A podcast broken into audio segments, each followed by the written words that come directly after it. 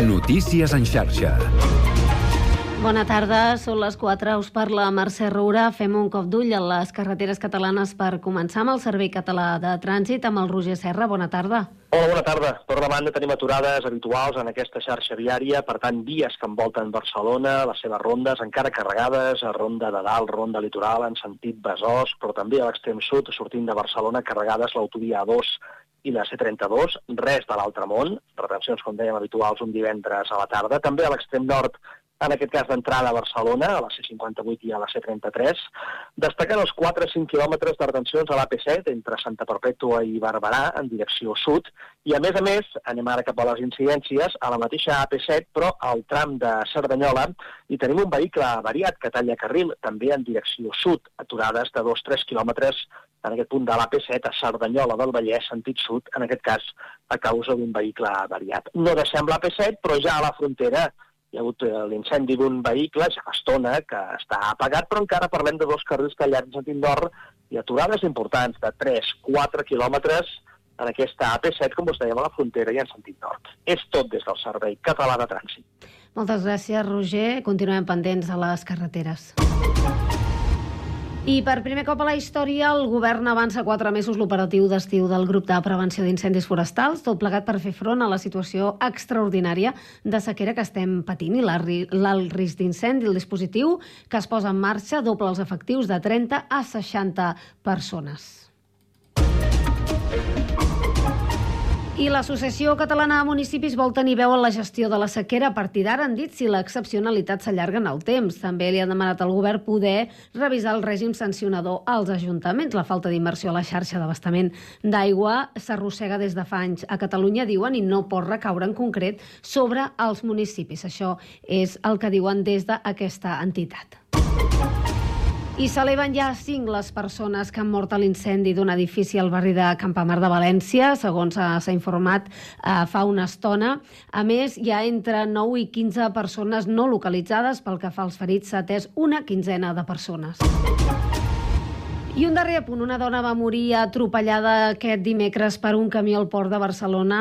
Eh, la víctima anava en bicicleta i va caure sota el vehicle, el conductor de la qual no va poder fer res en aquell moment per esquivar-la. al port de Barcelona ha fet aquest divendres al matí un homenatge a la víctima que era molt coneguda en el recinte portuari. És tot de moment, tornem aquí una hora amb més notícies en xarxa.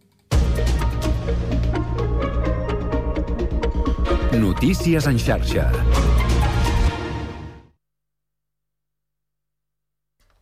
Quatre i tres minuts. Comença el Connectats.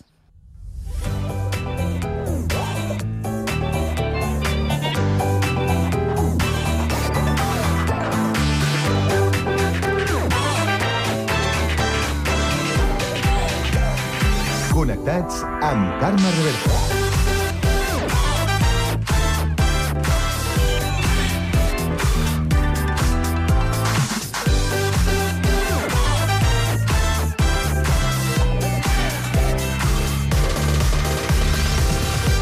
Molt bona tarda, salutacions i benvinguts un dia més al magazín de tarda de la xarxa El Connectats de l'àrea metropolitana de Barcelona, programa que fem i que sabeu podeu seguir a través de Ràdio Sant Cugat, Ràdio Sabadell, la Municipal de Terrassa, el Prat Ràdio, Ràdio Ciutat de Badalona i Ràdio Castellà.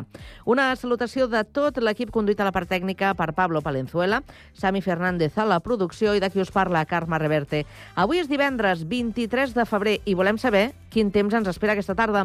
Lluís Mi Pérez. No cal dir que la davallada de temperatura ha estat molt evident i a hores d'ara, a més a més, com bufa el vent a moltes comarques, la sensació és de molta més frescor. Per tant, per una banda, normalització de la temperatura. També els núvols continuen sent més aviat abundants a moltes comarques de Girona i, de fet, al llarg de les properes hores acabaran caient ruixats en aquesta demarcació. La neu s'acabarà situant cap als 800 o als 900 metres d'altura. També al llarg de la tarda al Pirineu s'hi produirà alguna nevada intermitent. Aquest vent molt més insistent a les comarques de la Catalunya central, Lleida, Tarragona i Barcelona mantindrà el cel més destapat, però a últimes hores de la tarda també arribarà algun ruixat per les comarques de Ponent que fregarà fins i tot fins a la costa, però d'una forma molt efímera. Cap de setmana de ruixats demà al nord del país, diumenge sobretot a Lleida, i amb una temperatura més aviat fresqueta, també amb vent demà a Tarragona, diumenge a Girona. Us seguirem a la xarxa.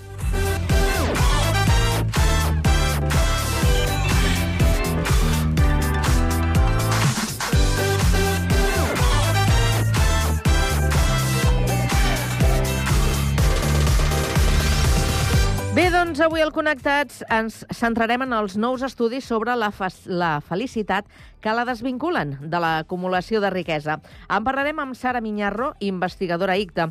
Acabarem aquesta primera hora amb la tertúlia generalista per analitzar la sentència del cas Dani Alves i la polèmica per la lletra de la cançó d'Israel a Eurovisió. A partir de les 5 coneixerem el Badiu Jove de Badalona de la mà d'Adrià Carpio, informador juvenil i assessor de formació a l'Espai. Sabrem què ha fet bullir les xarxes aquesta setmana amb Pablo Palenzuela. Repassarem les novetats cinematogràfiques de la setmana amb Jordi Guillem i marxarem de cap de setmana amb l'agenda del Connectats. Tot això i més, des d'ara i fins a les 6 de la tarda, a la vostra emissora local. Connectats? Comencem.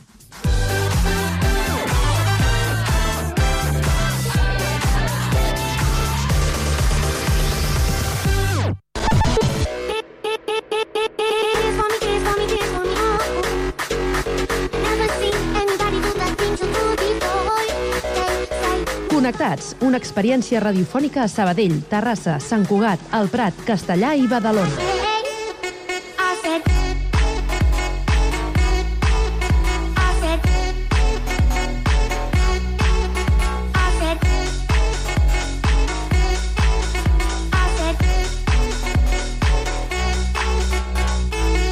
Connectats amb Carme Reverte.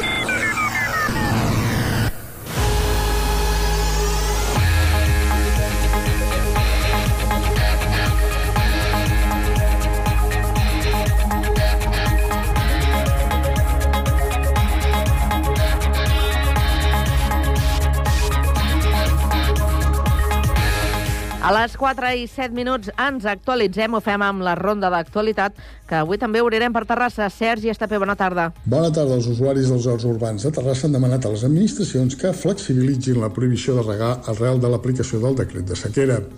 Aquests espais estan catalogats com a equipaments d'oci a Terrassa i, per tant, no ho poden fer.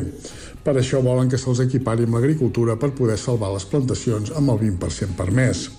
Els responsables dels horts defensen que també tenen una funció social, ja que fomenten l'associacionisme, la col·laboració i el treball en equip. Afegeixen que són plenament conscients del problema, del problema i que precisament per això aquest estiu ja van aplicar mesures per reduir el consum d'aigua amb la col·locació de comptadors i rec per degoteig. A més, denuncien la discriminació que pateixen respecte a altres municipis de l'àrea metropolitana i també davant la permissivitat de rec dels camps esportius. El col·lectiu ha fet arribar tant a Generalitat com a l'Ajuntament de Terrassa les seves demandes, però de moment no han obtingut cap mena de resposta. A Terrassa hi ha una quinzena dels urbans que l'Ajuntament va començar a impulsar l'any 2013. Se'n beneficien unes 300 persones i les seves famílies i si no canvia el temps o ho fa la llei, aquests projectes moriran. Gràcies, Sergi. I ara seguim eh, des de Sabadell. Ens informa Pau Duran. Bona tarda.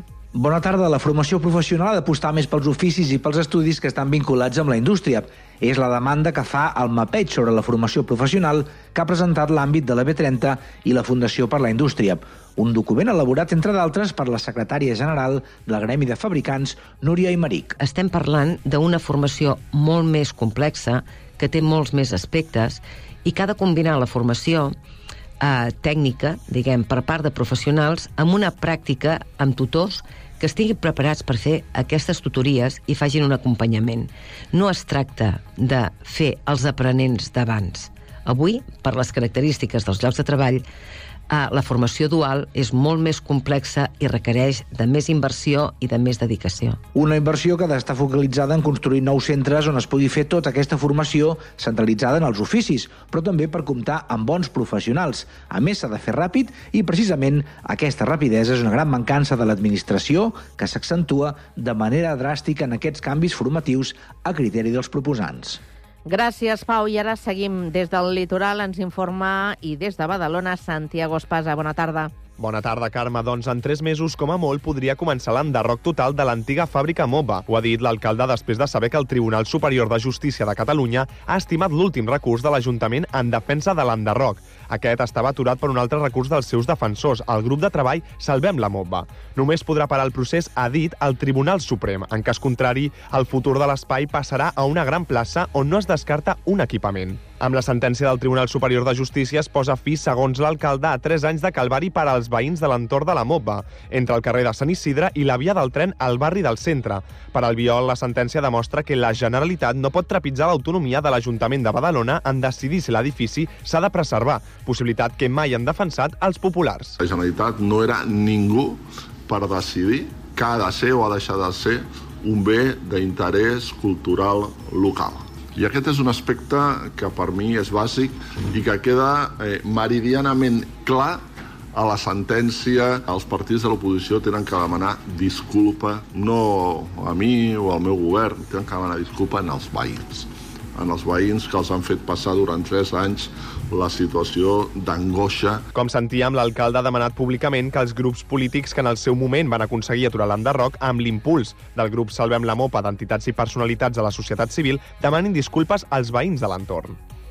Gràcies, Santiago. Seguim encara al litoral, però des del Prat eh, de Llobregat ens informa Rocío Santa Eufèmia. Bona tarda. Bona tarda. L'Ajuntament del Prat i el club barcelonista Terlenca han acordat que els partits de futbol que els equips d'aquest club juguin aquest proper cap de setmana siguin a porta tancada. La decisió s'ha pres com a protesta per l'agressió que va patir un jugador de futbol juvenil per part d'un jugador del club barcelonista Terlenca i altres aficionats de l'equip. Altres mesures que s'estan prenent són sessions de sensibilització entre els integrals del juvenil del club i les famílies a càrrec dels Mossos d'Esquadra. Es reforçarà el programa municipal d'Esports i Valors i s'elaborarà un reglament contra la violència, el masclisme i la LGBTI-fòbia a l'esport. D'altra banda, la secció municipal d'Activitat Física i Esport ha obert un expedient informatiu per abordar aquest cas. Així mateix, la Federació Catalana Catalana de Futbol va decretar tres partits de porta tancada i vuit partits de sanció pel jugador del Terlenca que va participar en l'agressió. Gràcies, Rocío. I ara seguim, tornem al Vallès. Des de Castellà ens informa Jaume Clapés. Bona tarda. Bona tarda. A Castellà ja estan obertes les inscripcions per a les cinquenes jornades d'infància, adolescència i educació que tindran lloc a la sala d'actes del Mirador el 5 de març. Enguany el tema escollit és la violència que s'exerceix sobre la infància i l'adolescència i per parlar-ne s'ha programat tota una jornada amb cinc conferències que posaran èmfasi en protocols i estratègies. La regidora d'Educació, Anna Riera, ha apuntat que les violències sexuals cap als infants i adolescents no són un problema individual, sinó social. La primera conferència serà sobre la Llei Orgànica 8-2021 i donarà a conèixer els aspectes claus del marc normatiu que regula l'atenció i protecció integral i efectiva de la infància i adolescència que estigui en risc o hagi estat víctima de qualsevol forma de violència. La segona analitzarà les dades dels darrers informes de l'organització Save the Children per comprendre millor l'abast i les dimensions de la problemàtica. La tercera posarà el focus en la feina que estan fent els serveis socials de l'Ajuntament en situacions de violència contra els infants i adolescents. La quarta analitzarà el paper dels equips d'atenció a la infància i adolescència. I l'última parlarà del model d'atenció integral a infants i adolescents que han patit abusos sexuals. Gràcies, Jaume. I abans d'acabar un repàs a l'actualitat de Sant Cugat que ens fa Sara Vella. La CUP considera que els processos de selecció per a càrrecs directius que està obrint l'actual govern no mantenen la coherència amb els estàndards d'equitat d'accés ni segueixen els processos rigorosos que haurien de seguir. Així ho ha explicat la regidora Ariadna Sierra en una roda de premsa en la qual ha repassat les convocatòries de director de Cultura i Esports, director de Tecnologia i director d'Urbanisme. L'escurçament dels terminis, la flexibilització dels requisits i la selecció discrecional dels candidats a càrrec de l'alcalde són les tres principals modificacions que critiquen els copaires. Ariana Sierra és regidora de la CUP. Generalment aquests processos requereixen d'un mínim de 20 dies per presentar les, les candidatures. Per tal, no? són ofertes de places públiques que han de contemplar no? la garantia d'equitat d'accés. Per això aquest mínim de 20 dies. Actualment s'han publicat aquestes últimes tres places en un termini de només 7 dies naturals. La convocatòria de la plaça de Cultura és la que els va fer saltar les alarmes i a partir d'aquí els copaires van revisar les convocatòries anteriors.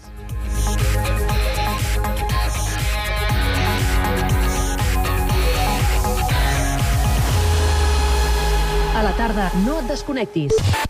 A la teva ràdio local, connectats. Can't touch this. Can't touch this.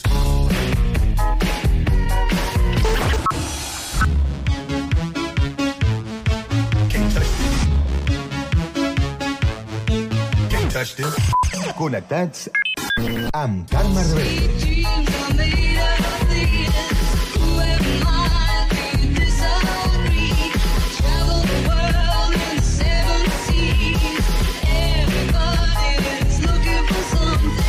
Connectats, una experiència radiofònica a Sabadell, Terrassa, Sant Cugat, El Prat, Castellà i Badalona.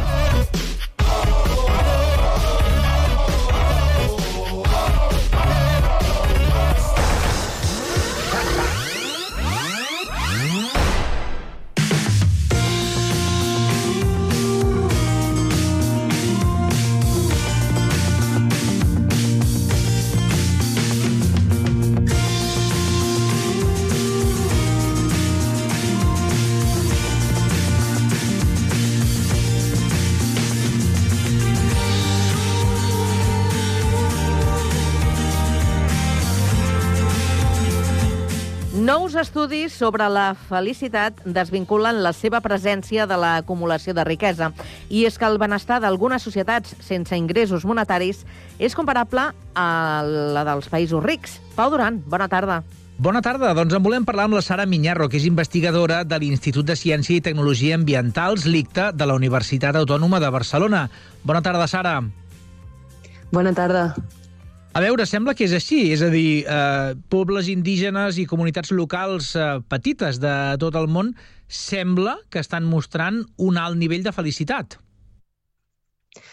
Eh, sí, sí, sí. Nosaltres eh, en aquest estudi vam quantificar la felicitat a 19 societats indígenes i locals arreu del món eh, i el que vam veure és que les persones en aquestes eh, comunitats declaren un nivell de felicitat molt alt, eh, tot i que tenen molts pocs diners.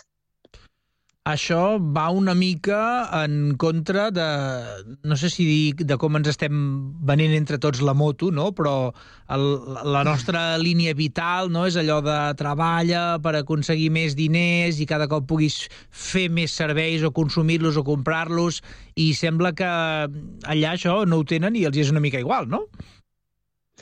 Doncs sí, a veure, eh, és veritat que tots els estudis i les grans referències al món en l'estudi de la felicitat, per exemple, eh, el World Happiness Report o l'Informe Mundial sobre la Felicitat i altres informes molt rellevants, doncs eh, sí que han trobat una correlació molt forta entre ingressos monetaris i, i el nivell de felicitat que declaren els seus habitants. Però és veritat que tots aquests estudis estan sobretot basats en enquestes fetes a societats industrialitzades, on els diners ja són molt importants. Llavors, clar, nosaltres vam pensar, bueno, si els diners són tan importants, què passa a les societats on no n'hi ha, no? I és el que hem estudiat nosaltres.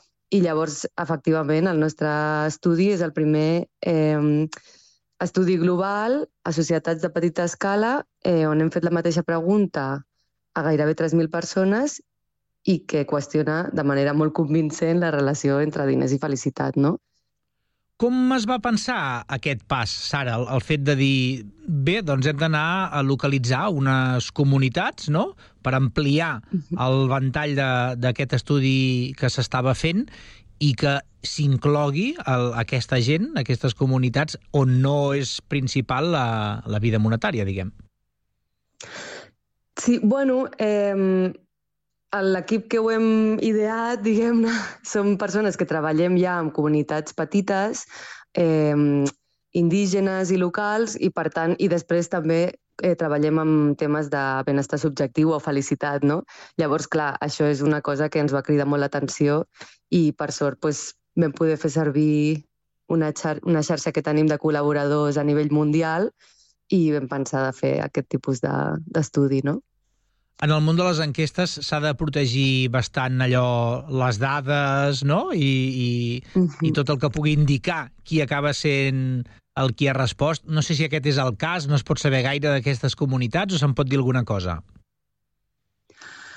Um, sí, sí, o sigui, a nivell de les dades personals estan superprotegides. De fet, ho, ho anonimitzem tot eh, perquè no es pugui saber qui ha dit què, no? Perquè és un dret de la intimitat, però però bueno, les, les comunitats que hem entrevistat, o sigui, que hem visitat, eh, doncs tenen algunes coses en comú, no? Primer de tot és que depenen directament dels recursos naturals i no tant de l'economia de mercat. I, i res, doncs tenen bastant contacte amb la natura, són societats petites, eh, on normalment les relacions socials són bastant importants també, eh, i bueno, en general això seria una mica les coses en comú. Ostres, la llista que fas, eh, no sé com ho veus, però a mi em fa pensar en, en coses de les que precisament a les societats més industrialitzades i potser més riques és on anem més faltats, no? Sí, sí, tal qual. Vull dir, a la nostra societat sembla que és molt important l'individu, no?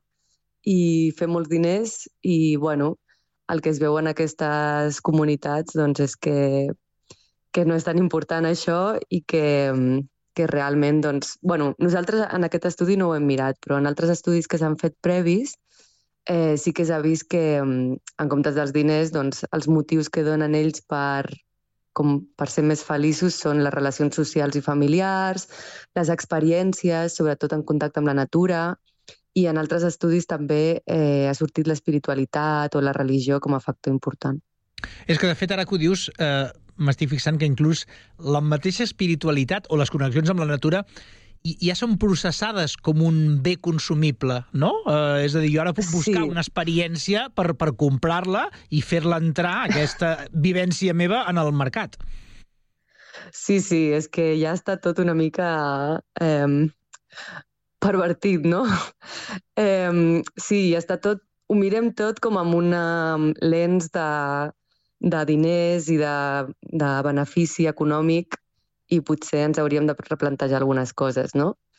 De fet, jo crec que aquests resultats són bastant positius eh, perquè demostren que es pot tenir una alta qualitat de vida sense necessitat de grans béns materials, no?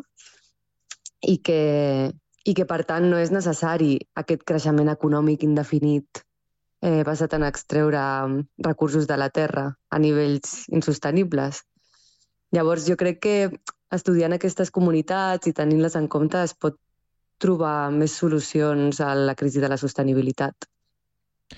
De fet, mm, a banda de la sostenibilitat que dius, perquè evidentment si hem de tenir connexions amb la natura, hem de tenir natura, i això o es, produ sí. es produeix un, una protecció efectiva ja del medi ambient o ho portem magre, però, per exemple, amb totes aquestes crisis que estem tenint ara, eh, aquestes eh, també problemes mentals, no?, derivats de les addiccions a les pantalles i tal, també és algo que està jugant en contra, no?, del suport i les relacions familiars i socials? Sí, sí, efectivament. De fet, eh, hi ha molts estudis, molts altres estudis que demostren una connexió molt forta entre el contacte amb la natura i eh, la salut mental, no? per exemple, i ja s'estan s'està començant a pensar en, en, en prescriure temps a la natura o fer esport a la natura i coses així per eh, fomentar la salut mental. Com es decideix des de l'ICTA uh, sumar-se... Eh, perquè això era un estudi de la Universitat uh, McGill del Canadà que ja estava en marxa o se'n va parlar entre les universitats? Com s'origina un projecte així? O la participació en el projecte? No, no. Eh, de fet, aquest projecte va començar eh, el 2017 amb el projecte C. I llavors una part d'aquest projecte mirava el tema de la felicitat, no? que era la part que portava jo. Llavors eh, vam començar a col·laborar amb el projecte Litchi, que, que és el que té aquesta, re, eh, aquesta xarxa de contacte de, d'investigadors eh, mundial treballant amb comunitats indígenes. El projecte Litchi eh, vol dir Local Indicators of Climate Change Impacts i estudia els impactes de canvi climàtic en les comunitats indígenes i locals. D'acord. Llavors vam decidir col·laborar i també fer aquesta pregunta eh, a les enquestes sobre la felicitat. Llavors, per això vam aconseguir aquest, aquest, um, aquesta mostra tan gran de 3.000 persones arreu del món. Clar, i ara que m'estic fixant, el, amb tot el que m'has explicat, eh, es dona una mica, no sé si és una paradoxa, eh?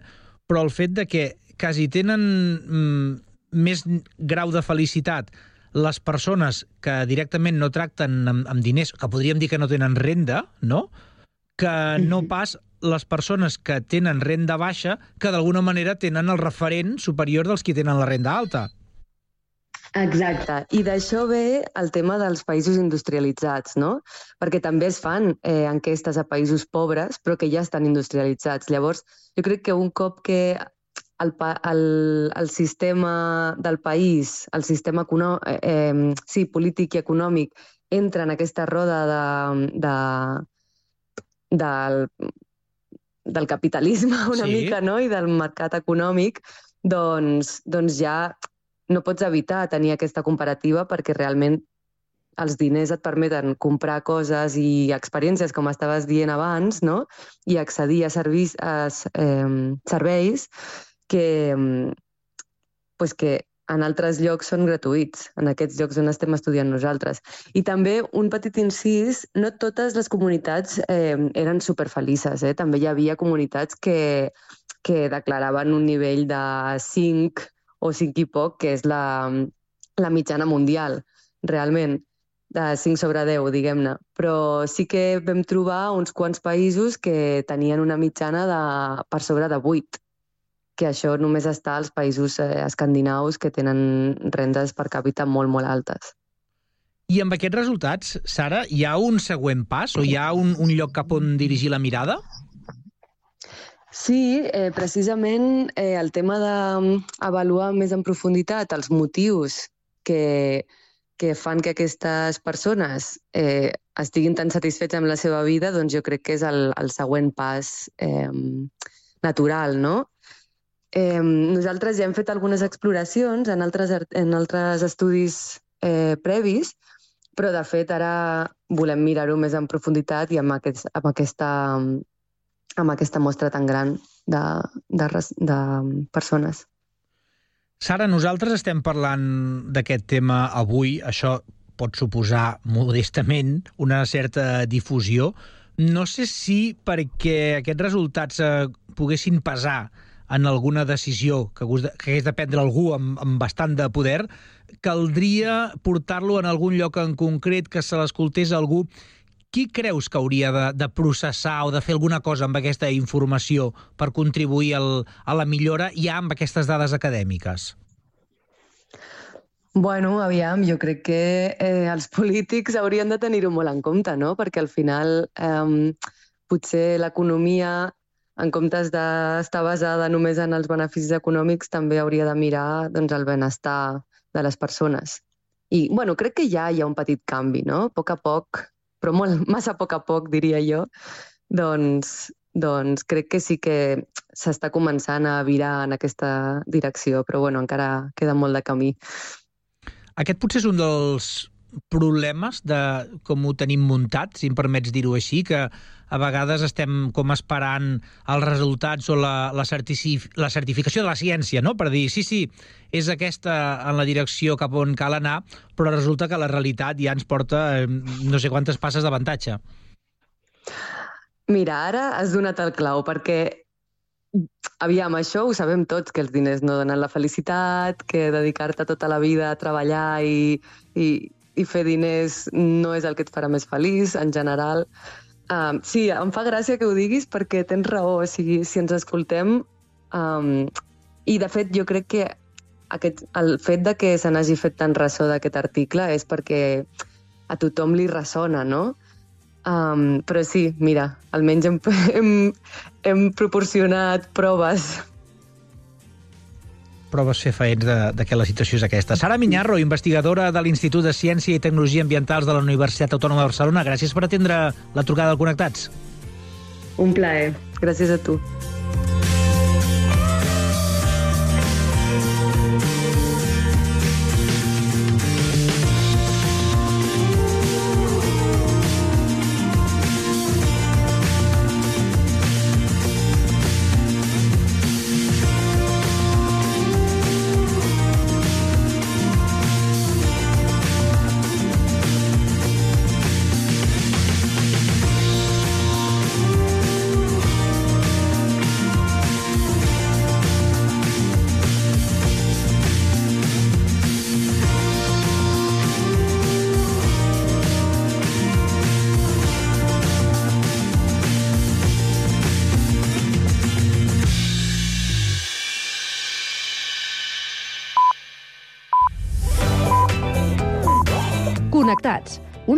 Experiència radiofònica a Sabadell. Ràdio Sabadell, 94.6. Terrassa. Ràdio Municipal de Terrassa, 95.2. Sant Cugat. Ràdio Sant Cugat, 91.5. El Prat. El Prat Ràdio, 91.6. Castellà. Ràdio Castellà, 90.1. I Badalona. Ràdio Ciutat de Badalona, 94.4. Cada tarda de 4 a 6, connectats.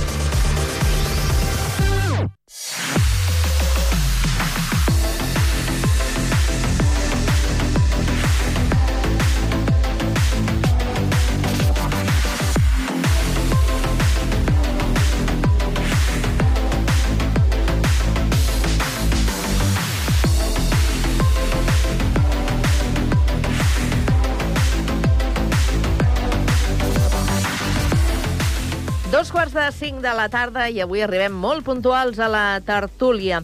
Aquesta finestra que obrim a l'opinió i que avui compartirem amb el Jordi Pasqual, que és periodista i ens acompanya a l'estudi a Sant Cugat. Jordi, bona tarda. Bona tarda.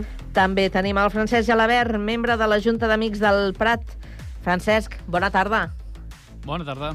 I el Quirze Casablanques, que està jubilat i ens acompanya des de Sabadell. Bona tarda, Quirze. Hola, bona tarda, què tal? Què tal? Ha plogut o no pels, pels, vostres, eh, pels vostres barris? A Sabadell ha plogut, Quirze?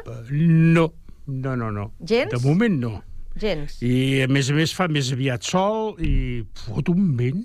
Ja, sí, sí. sí Molt sí. desagradable. Molt bé. I al Prat, Francesc?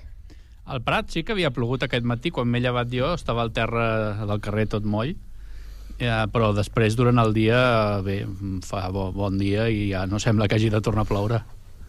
I aquí, Jordi? Estem molt en casa, però el, quan he mirat per la finestra, no. Però es veu que a primera hora han caigut, re, quatre gotes, Quatre però gotes. quatre contadíssimes, eh? Mm. Jo tenia la roba estesa i no s'ha notat. No s'ha notat. No s'ha notat. Perquè és que jo crec que s'ha donat la curiositat que es tractava d'un núvol i hi ha hagut eh, en una part de Sant Cugat que sí que han caigut quatre gotes i en una altra part que no ha caigut absolutament res. Pues crec que ma casa està en la que no, eh? Perquè... No, no, jo també ja t'ho dic, estava tot eixut, o sigui que...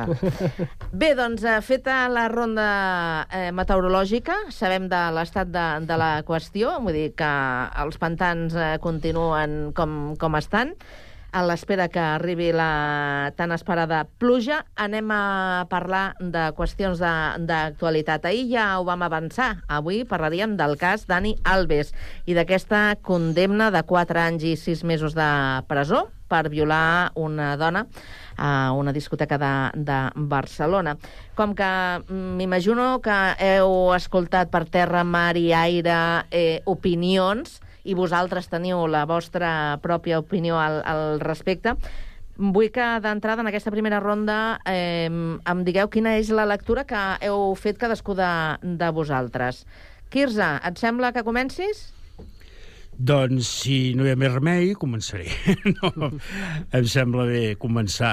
Eh, mira, els quatre anys i mig de presó, doncs què vols que et digui? Els cinc anys de llibertat vigilada, què vols que et digui? Ni apropar-se ni comunicar-se amb nou anys, què vols que et digui? El que trobo de bon punt vergonyós és que eh, li hagin tocat una indemnització de 150.000 euros, quan amb aquestes indemnitzacions, si realment tots hem de ser iguals davant de la llei, hauríem de tenir en compte la capacitat econòmica de cadascú. Per què? Perquè aquest home, que és ric, o hauria de ser, 150.000 euros eh, són com si a mi em condemnessin a pagar 17 pessetes.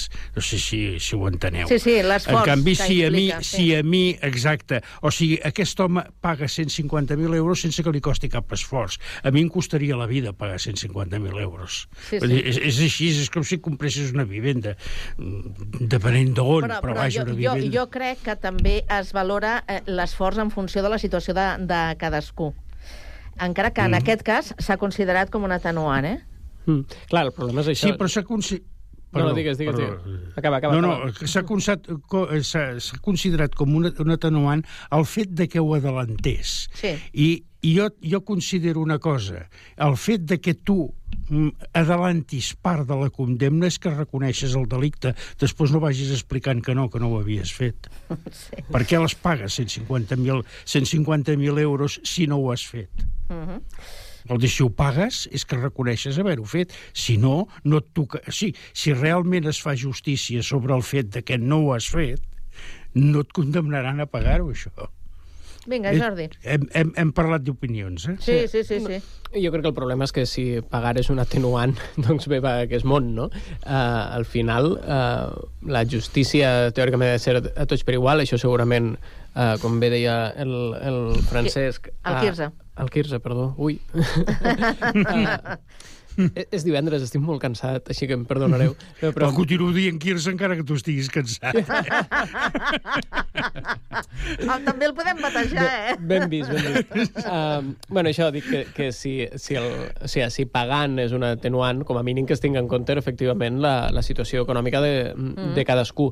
Jo crec que en el refons hi ha una altra cosa, que és que la, la tan qüestionada llei del només sí és sí, en aquest cas s'ha és l'aplicació de la llei, a més en un cas mediàtic. Segurament, si no hagueren tingut aquesta llei, eh, la condemna hauria sigut molt diferent. Fins i tot no s'haguera parlat tan explícitament de, Sí, sí. de violació. No? Per tant, més enllà de tota la polèmica que va haver en el seu moment, de gent que estava a punt d'acabar la pena, que va poder eh, sortir-ne abans, eh, també hi ha un, un punt de valoració positiva d'aquesta llei, ara que tenim un cas que des de zero ja era en la llei vigent. Francesc, t'ha tocat. Doncs sí, a veure, mm, coincideixo també amb els companys. Uh, per Dani Alves segurament pagar 150.000 euros és com si a mi em diuen que pagui 100 euros i així segurament el jutge uh, farà la pena una mica més reduïda, no? Vull dir, doncs mira, els pago encara que, encara que jo defensés que, que, no, que no sóc culpable, que evidentment estarem d'acord que, que, que sembla que sí que ho és, no? Però, però clar, vull dir, l'esforç econòmic per ell eh, aquest és, és insignificant, no? I per tant, doncs, mm, clar, això sembla que, que no és del tot, eh, del tot just, no? Perquè bé, no, jo, mi, si hagués de pagar 150.000 euros, em suposaria un esforç bastant, bastant important, no? I, I, clar, i ell no. I, per tant, doncs, això posa un desequilibri, no?, eh, a les persones i això, doncs, això s'ha de pagar. Vull dir, si pago em rebaixen la pena, vull dir, no sé, no ho veig gaire clar, no? I... Puc, puc afegir una coseta sí? amb el tema dels 150.000 euros? És que, per altra part, eh, em, em molesta molt el fet de que eh, a una persona se li ha causat un dany irreparable i se li donen 150.000 euros. Vull dir, això, per mi, per mi, fa vergonya.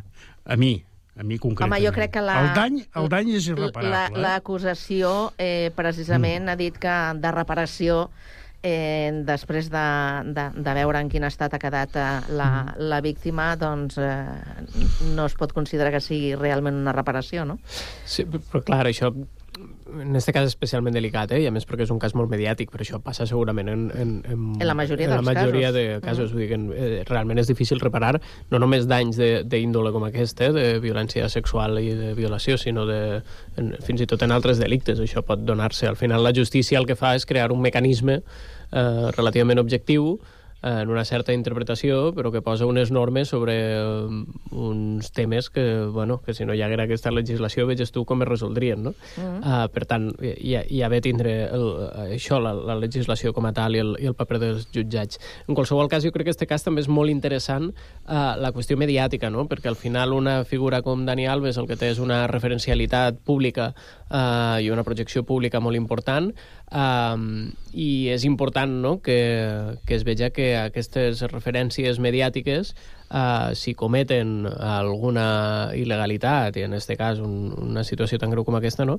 um, també tenen la, eh, la seva pena, que no queden com a, com a impunes. Per això preocupa tant també el que dèiem abans, no? de quina manera uh, la pena s'ajusta o no a la situació econòmica, uh, també dona la idea no? de la, del nivell d'impunitat que, que pot tindre cada, cada persona.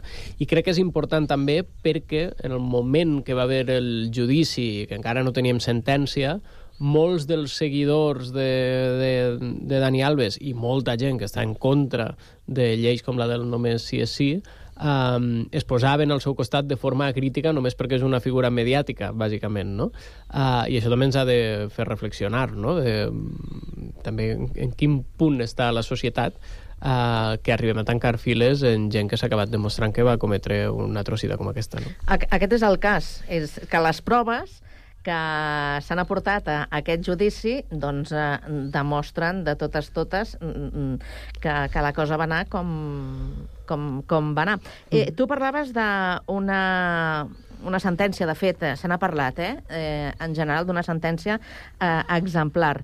Però també eh, s'ha parlat d'una sentència pedagògica, en el sentit que podria servir per a, eh, per a propers casos, possibles agressions Mm. eh, en el marc de persona famosa, persona coneguda, que veient aquest cas doncs, eh, mm, pugui dissuadir no? de, de, de, de fer coses que d'una altra manera segurament no, eh, tirarien, tirarien cap endavant. Mm. A més, trist que haguem d'arribar a, a una situació així. La gent s'hauria de comportar perquè vivim en societat i hauríem de tindre tots una mínima convivència. En el moment que això no passa, eh, pues sí, la por a una sentència perquè hi ha una llei ben feta i que pot caure una bueno, fins i tot presó, no?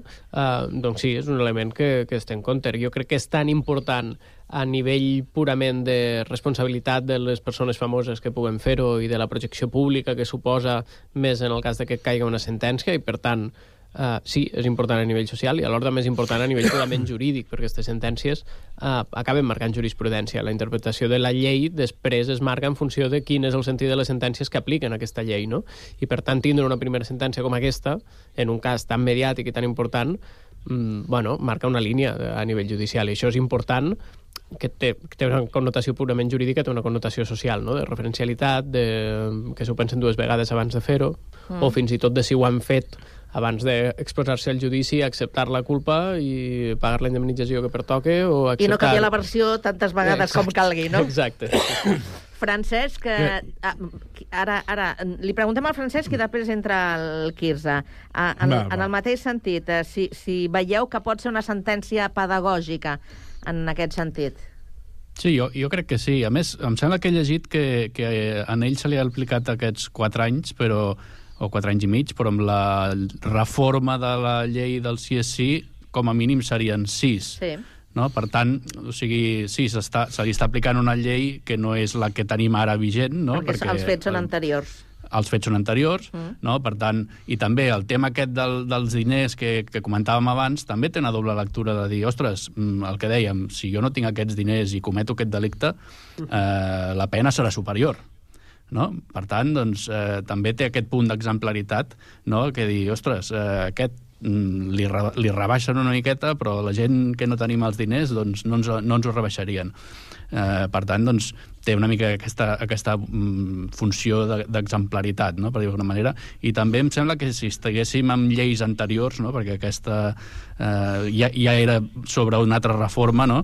eh, doncs segurament eh, fa més anys un famós s'hauria escapat, hauria pagat una indemnització i no hauria passat per la presó ni, ni res de res, no? I ara veiem que, que, que aquest mm, senyor doncs, sí, que, sí que hi passa, no? Mm, Ja porta un any i, i escaig i, i, i, i ha de seguir fins a complir els quatre, els quatre i mig de, de presó, en teoria. Bueno, no? això ja veurem. Sí, això, això ja veurem, perquè ja he sentit també que, que diuen que potser no ho farà complet, no sé què, que està tenint molt bon comportament dins de la presó, no sé què, totes aquestes històries que sempre es fan servir no, per poder sortir abans, no? Però bé, Quirze. Mm, mira, eh, o sigui, eh, és bo que la sentència sigui pedagògica, però la, la pedagogia hauria d'anar més enllà. O sigui, ara aquesta sentència eh, ens, ens, ens convida a no fer una barbaritat com aquesta perquè eh, ens entra el temor de que anirem a la presó, etc etc. I, i, I la pedagogia hauria, ens hauria d'encaminar a no fer una barbaritat com aquesta de cap de les maneres, sense cap temor de cap classe. Això no es fa i punt. Uh -huh.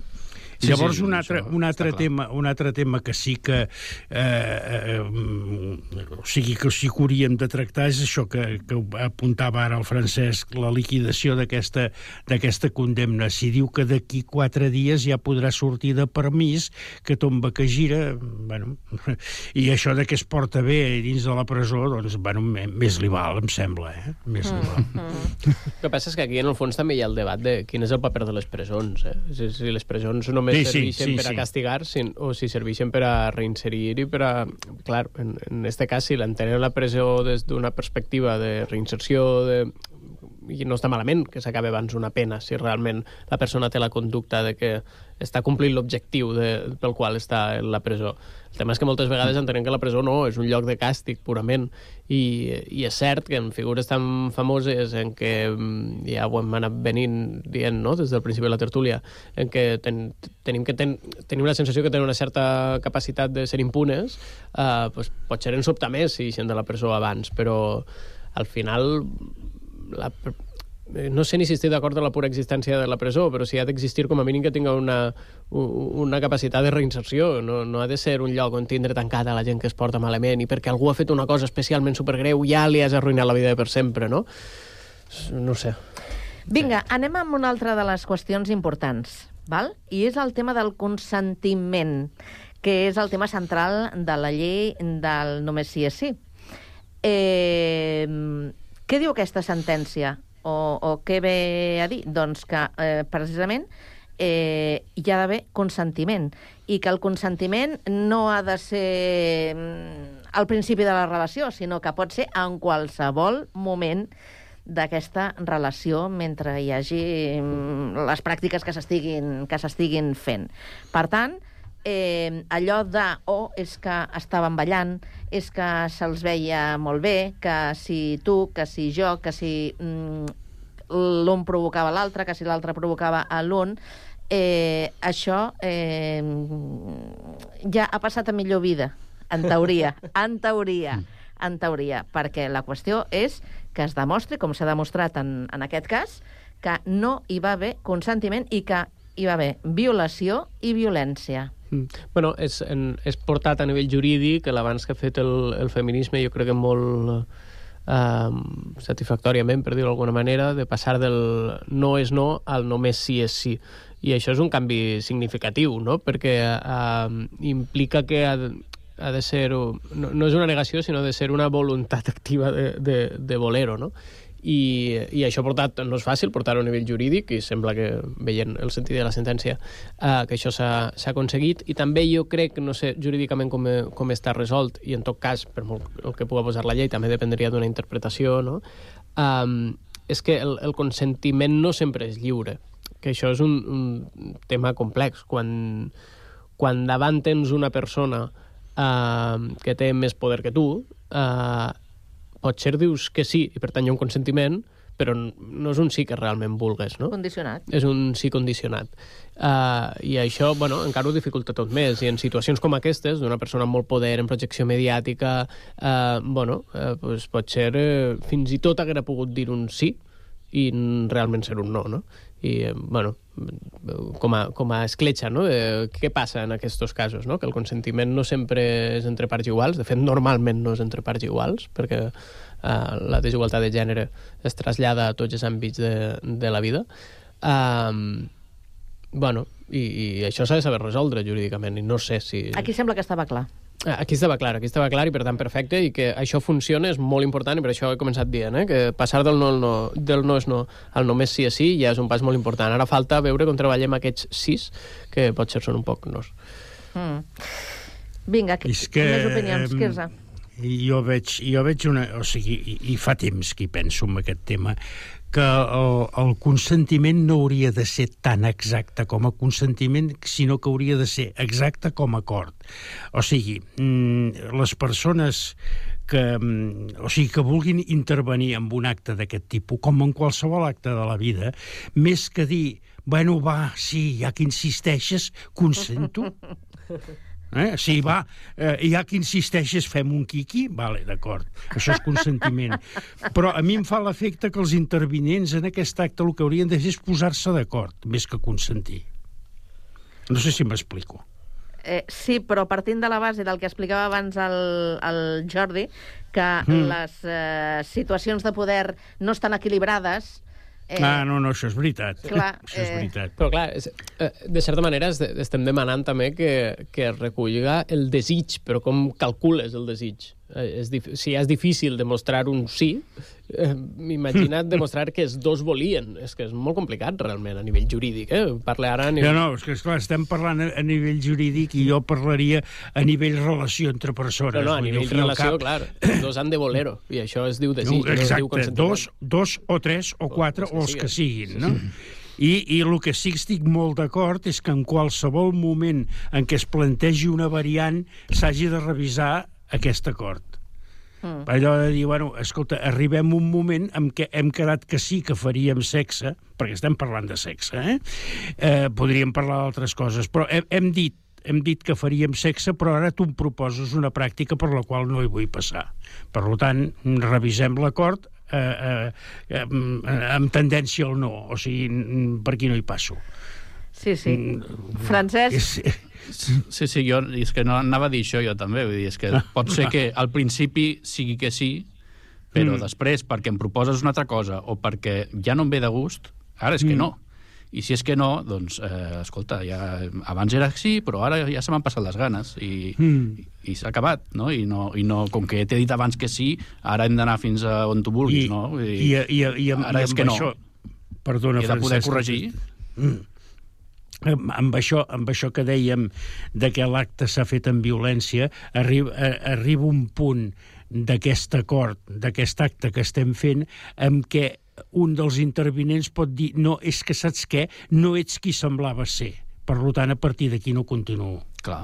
No sé per què, per què, perquè ets violent, per exemple, no? i no m'ho esperava, per exemple. No? O sigui, que puguis dir, puguis revisar aquest, aquest acord inicial en qualsevol moment de l'acte. Però és que això és una cosa que és com una mica com de calaix, no? Si, si estem Oh, fent sí, sí. això per, o sigui, per mi, per, o sigui, jo entenc que això és una cosa de, de gaudi mutu, no?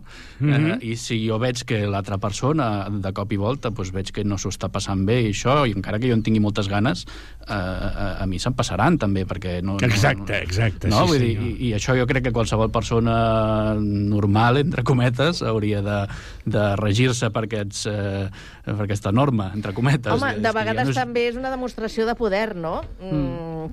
Tornant al desequilibri que abans comentava Sí. el Jordi. I a més tinc la sensació que, que tot i que puguem tindre la idea nosaltres quatre, que efectivament qualsevol persona normal ho veu així, hi ha molta gent que no ho veu així i hi ha Sí, sí, sí. moltes relacions eh, que està donant-se en gent jove que no són així, que es basen tant en el poder i en unes referències una mica estranyes, de vegades se li tira la culpa al porno i és cert que el porno té responsabilitat, sí. però no només, um, que estan portant-nos a un tipus de relacions tan desiguals en què el consentiment no volgut, però al cap i a la fi consentiment perquè acaba passant volgudament, entre cometes, no? Per les dues parts, uh, està donant-se, no? I això em preocupa especialment de cara a, a la gent més, més jove, no? Que està començant a viure les seues primeres relacions i de vegades són relacions que ells diuen, no, estic en una relació tòxica. No, és una relació de, de violència masclista, directament. Depèn de com. Pot ser no és física, és, és psicològica, o, o és sexual o és econòmica. No? Però, però això està, eh, està passant, i això, traslladat a la sexualitat, poden haver unes pràctiques sexuals no consentides o consentides de manera forçada, que a mi em preocupen bastant, la veritat. Mhm. Bé, doncs encara podríem parlar del tema. El que sí que podríem destacar com a final d'aquesta qüestió és que sembla que la víctima eh, ha quedat, eh, diríem que satisfeta pel que suposa que eh, tant el jurat amb aquesta sentència eh, l'hagi cregut que és eh, doncs, eh, una de les qüestions que quan una víctima eh, s'enfronta en una situació com, com, com la del cas de Dani Alves, eh, la sensació de culpabilitat i la sensació de, eh, de, de, de, de, de, de quedar-se pràcticament sol davant d'aquesta situació, eh, doncs eh, és totalment diferent eh, al que ha passat amb, amb, amb aquest cas. Aquesta bueno, noia s'ha vist reforçada per aquesta sentència. Clar, i a més el procés judicial igualment no pot ser fàcil, perquè tu has de demostrar per, que, que això va anar com va anar, no? I per tant, de certa manera, estàs tornant a reviure-ho. El problema és evitar al màxim la revictimització, que no hagués de ser la víctima tota l'estona recordant que va ser víctima i exactament com va ser. Uh, si el, la nova llei i um, sentències com aquesta ajuden a que la víctima el procés no el passe d'una manera tan traumàtica i que a més el resultat de la sentència donant-li la raó és encara reforçada, jo crec que és una bona notícia. De fet, és una de les grans reivindicacions que ha fet molts col·lectius feministes i sobretot de dones violents de, de violència masclista. Um, que, que clar, que es trobaven que tot sovint la gent no volia denunciar ja no tant per si guanyaré o no guanyaré o els diners que em puga costar... Bueno, en és el que m'han de cregut, aquest és el missatge. Clar, al final és, és, és que tenen por de que no la creguen. Tenen, por, tenen por de que d'haver-ho d'explicar tantes vegades que al final, ostres, és que no, no és, És un que procés es fàcil, portava. òbviament. És el que es portava, que no, que no, cre... que, no es... que la, la víctima no fos creguda, eh? Bueno, Això es és- portava. Algo hauràs fet, no? És Que... I que fins i tot la culpabilitzaven, no? Perquè alguna cosa hauries Sí, fet. sí, no? exacte, Vull dir, exacte. aquestes coses que es feien, que es deien abans, no? Portaves minifalda i aquestes coses. És que... Sí, no, no, Va, aquestes dir que preguntes les feia un, un, un jutge, per exemple, Mhm. en algun judici, no fa gaire, Sí, sí. no? Mm -hmm. Sí, sí. Per això, per això que es portava, es portava a culpabilitzar la víctima, o sigui, no, que la víctima no fos creguda, que es cregués absolutament al revés. Vull dir, aviam, no té res a veure. Vull dir, aviam, uh, uh, si a mi m'atropella un, un cotxe amb un pas de vianants, que la culpa és meva perquè vaig pel carrer. És que, a veure, no ho sé, eh, o sigui, estic fent una, una comparança que potser no és afortunada, però és que... No, no, sí que m'ho sembla. Culpa, culpa, cu- és que, I a més a més, culpabilitzar la víctima és molt perillós, eh? Perquè si ens hi acostumem, tot, tot s'hi valdrà, eh? Home, ens Si- hem si ens acostumat durant molt de acostumem- temps, eh? Bueno, Portem tota la vida, en aquest- pràcticament. en- en- Exacte, però en aquest cas concret, dic jo, que en aquest... Mm. O sigui, però en general, si, si, si eh, ens acostumem a culpabilitzar la víctima, mm, eh, és, és molt perillós perquè tot s'hi valdrà. Però és que abans que tot això, abans que tot això arribés on, on ha arribat, segur que moltes lectures eh, han estat... Eh, eh, li ha passat això per, eh, per ser qui era, Dani Alves, i perquè han anat a, a, a treure diners, no? Aquesta és la lectura fàcil, ràpida, des d'un punt de vista Mm. eh, molt masclista sense cap mena d'anàlisi més. Sí, no, per això ho deia Mm. abans jo, lo de la referencialitat, precisament perquè és una persona tan important, no? Mm. Vull dir que mm, el, el problema seria que aquesta mirada s'estenga socialment, que és el que tem que pot arribar a passar. Mm -hmm. Molt bé, doncs ens quedem sense parlar d'Eurovisió, però jo crec que encara, encara tenim temps, eh? ja, ja us podeu estudiar la lliçó i a veure què passa mentrestant amb Israel. Gràcies, senyors, que passeu una molt bona tarda i bon cap de setmana. I un altre Igualment, bona tarda a tothom. Adéu-siau.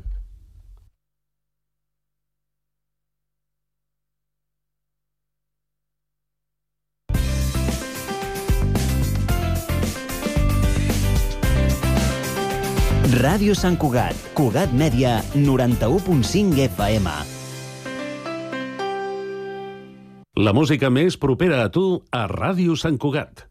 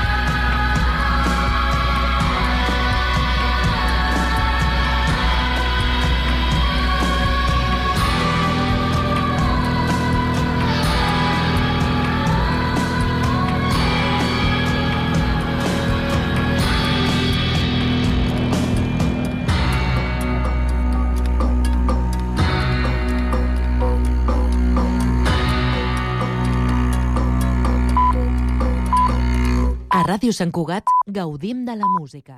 Gaudeix la música. Ràdio Sant Cugat,